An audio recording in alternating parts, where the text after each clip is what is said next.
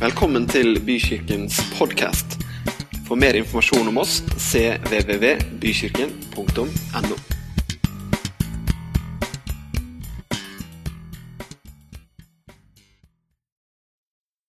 Det er så fint å se dere alle sammen. Vi feirer påske, om enn på en litt annen måte. Men eh, palmesøndag er forbi, den stille uke, skjærtorsdag, langfredag og påskeaften. Og i går så feira vi Jesu oppstandelse fra de døde. Håper at dere alle har hatt gode dager, selv om de har vært annerledes enn det som var planlagt. Det meste i samfunnet vårt har vært eh, innstilt og eh, avlyst de siste dagene. Det samme gjelder gudstjenester og søndagsskoler verden over. Oppstandelsesdagen i går er jo den best besøkte dagen i kirker verden over. Det gode er at selv om det var tomt i de mange store katedraler og forsamlingshus, så feiret vi påske i de mange tusen hjem over hele verden. Påsken lar seg ikke avlyse, og det er jeg veldig glad for. Påskens budskap er grensesprengende. En uskyldig blant skyldige, en rettferdig blant urettferdige. En som døde i vårt sted, en som tok våre sykdommer, en som tok straffen vi skulle hatt, men som overvant døden og sto opp igjen på den tredje dagen. Noen dager etter oppstandelsen, under pinsen i Jerusalem, talte Peter til et stort folkehav, og han sa om Jesus.: Men Gud reiste han opp og løste han fra dødens rier. Døden var ikke sterk nok til å holde han fast. Døden var ikke sterk nok. Jesus han sprenger alle grenser. Vi er midt inne i 100 dager med Jesus, og i dag skal vi snakke om hva han gjorde. Og han gjorde nettopp det jeg sa. Han sprengte alle grenser. De fire evangeliene forteller detaljerte historier om hva han sa og hva han gjorde i møte med de høye herrer og de aller laveste på stigen. Han sprengte grenser hver eneste gang. Ikke politisk korrekt, ikke alltid sosialt akseptert. Han sa sannheten om menneskene, og han viste vei til vår Far i himmelen. Utenfor rammen av tradisjon og religion så viste han oss Guds herlighet.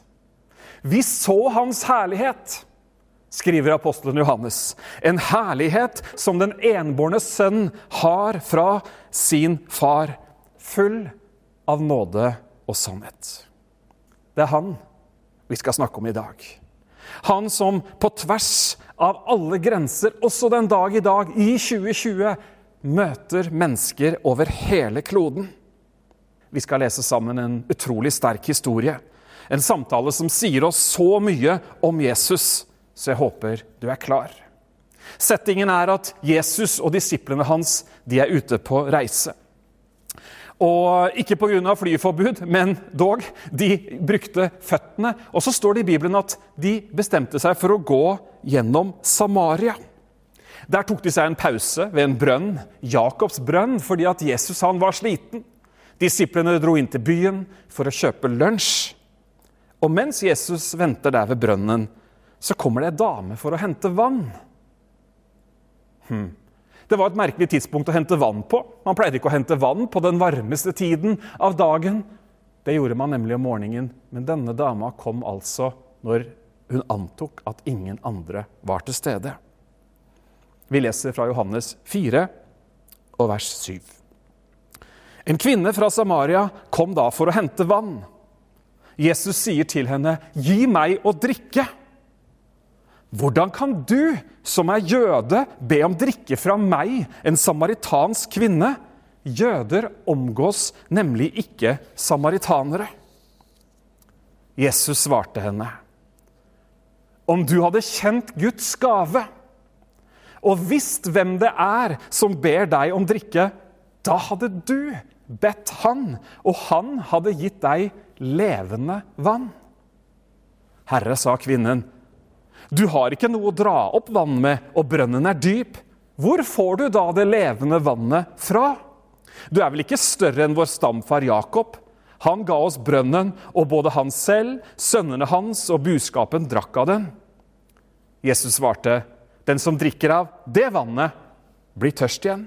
'Men den som drikker av det vannet jeg vil gi, skal aldri mer tørste.' 'For det vannet jeg vil gi, blir i ham en kilde med vann som veller fram og gir evig liv.' For noen nyheter! Vann, levende vann. Aldri mer tørste, kilde og evig liv. Det er ikke rart at dama i det hele tatt responderer og sier, 'Herre, gi meg dette vannet, så jeg slipper å tørste igjen, og så jeg slipper å komme hit for å hente vann.' Jesus svarer henne, 'Gå og hent mannen din, og kom så hit.' 'Jeg har ikke noen mann', sier hun. Og Jesus sier, 'Du snakker sant når du sier at ikke du har noen mann.' For du har hatt fem menn, og han du har nå, er ikke din. Dama skjønner at den fyren hun har møtt ved brønnen denne dagen, ikke er en helt vanlig mann. Herre, jeg innser at du er en profet. Og så drar hun i gang religionspraten. Og er med en gang på kirkeform, tilbedelsesform, og sier våre forfedre de tilba på dette fjellet, men dere jøder sier at det er i Jerusalem man skal tilbe. Jesus svarer henne, bryter på en måte litt gjennom tematikken og sier fra vers 21.: Tro meg, kvinne, den time kommer da det er verken på dette fjellet eller i Jerusalem dere skal tilbe Far. Dere tilber det dere ikke kjenner, men vi tilber det vi kjenner, for frelsen kommer fra jødene. Men den time kommer, ja, den er nå, da de sanne tilbedere skal tilbe Far i ånd og sannhet.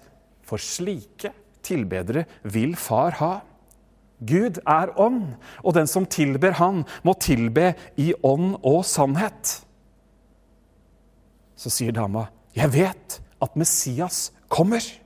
Messias er det samme som Kristus, og når han kommer, skal han fortelle oss alt.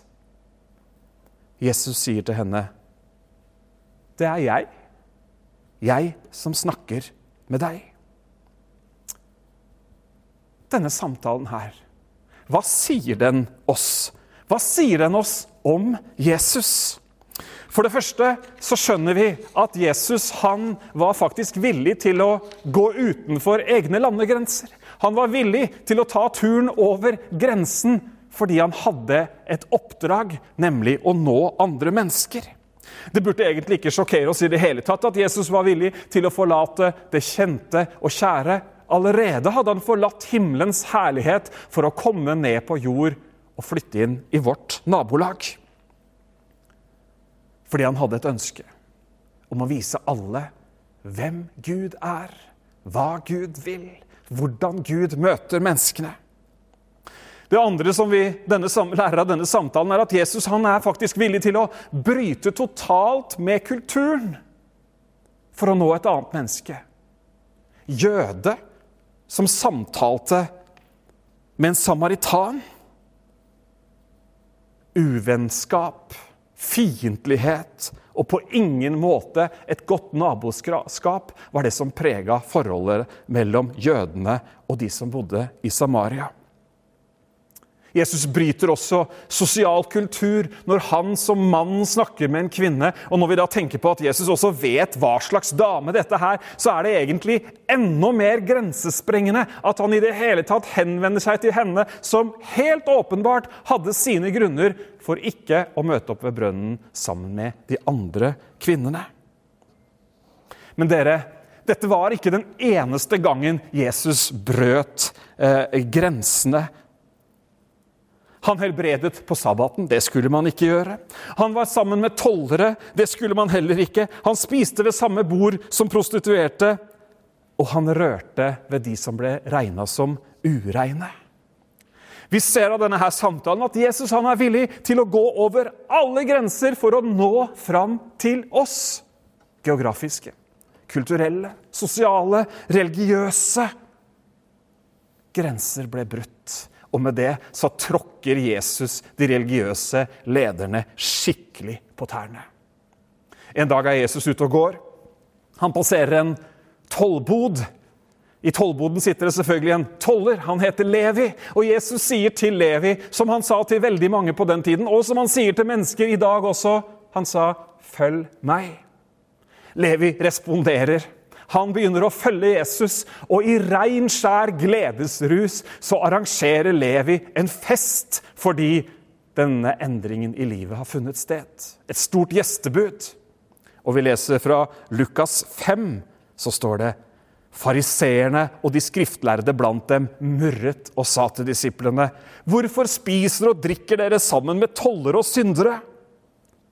Men Jesus han hørte hva de sa, så han svarte for disiplene, og han sa, det er ikke de friske som trenger lege, men de syke. Jeg er ikke kommet for å kalle rettferdige, men syndere til omvendelse. Jesus går over alle grenser. Hvorfor? Jo, for å søke og frelse det som var fortapt. Hva sier denne samtalen oss om Jesus? Hvorfor bruker vi denne søndagen på denne dama og på denne samtalen. Hva er det med henne som angår oss? Denne samtalen, om enn i en annen form, kunne ha funnet sted på en hvilken som helst av kafeene her i vår egen by. Men glem Samaria, glem vannkrukka og henting av vann. Hva er det vi har felles? Hva er det med dama fra Samaria og deg og meg? Hva kjennetegner oss begge? Jo, at vi har en tørst. Tørsten er det vi har felles. Vi har felles en lengsel etter noe som fyller tomrommet i livet, etter noe som gir mål og mening og hensikt. Er det bare dette som er livet? Er det nok en uke med 40 timer på jobb, fullpakka ettermiddager og et perspektiv på livet som handler om at mye vil ha mer? Når kommer lønna, og hvor går neste ferietur? Jesus ønsker at hun skal få oppleve det beste livet. Han vet at det er ikke bare vanlig vann som kroppen trenger for at væskebalansen skal være på plass. Det er én type tørst. Men han vet at det finnes en helt annen tørst. En eksistensiell tørst. En dypere tørst. En tørst som mennesker forsøker å stille på så mange ulike måter.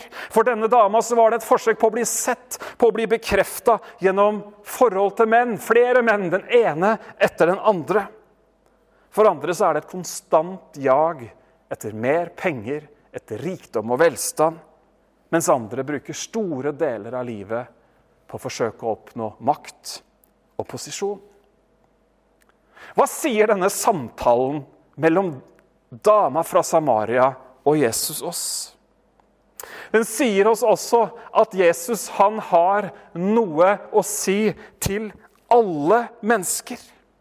Han er ikke redd for å starte en samtale med hvem som helst, også på ukjent grunn. Han krever heller ikke at du skal være enig med han før samtalen begynner. Kanskje tvert imot så er Jesus villig til å gå over alle grenser for å få deg og meg i tale. Han kommer over på din banehalvdel. Han sender deg en veldig god pasning fordi at han vil at du skal score. At du skal lykkes. At du skal vinne i livet. Og det er jo dette som så utrolig mange ikke har skjønt. De tror at når han kommer inn på banen, så er det for å gjøre livet surt, trist og mørkt. At hans oppgave er å dømme deg og meg nedenom og hjem og gjøre livet så mørkt som mulig.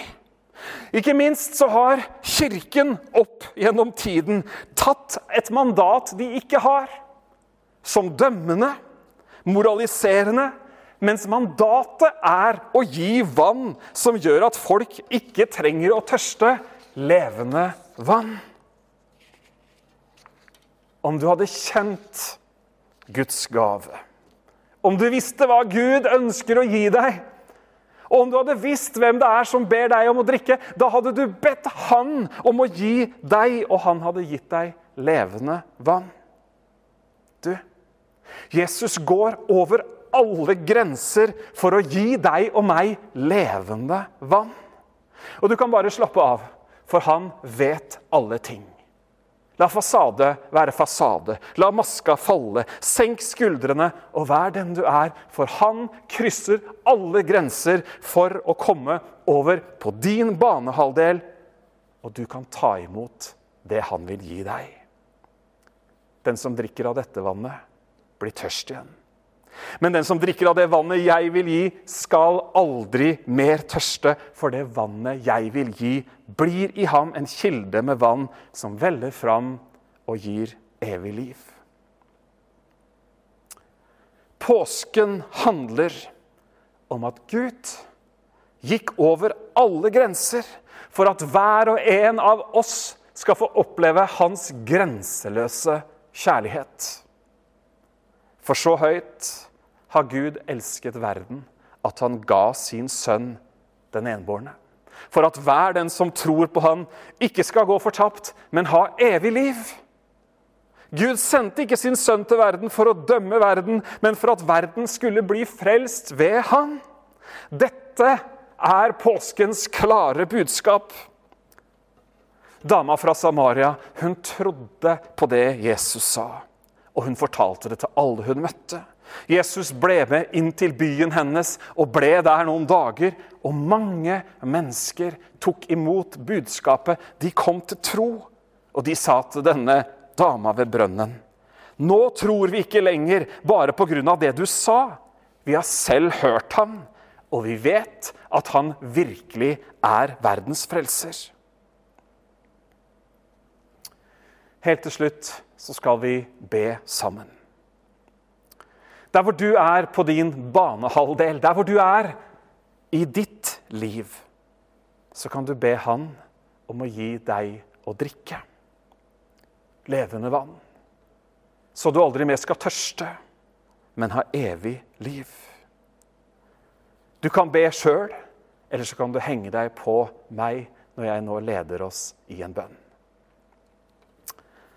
Kjære Jesus. Jeg kommer til deg nå og tar imot Guds gave. Takk for at du tilgir meg og gir meg et nytt liv. Takk for at du gir meg levende vann og det evige liv. Amen.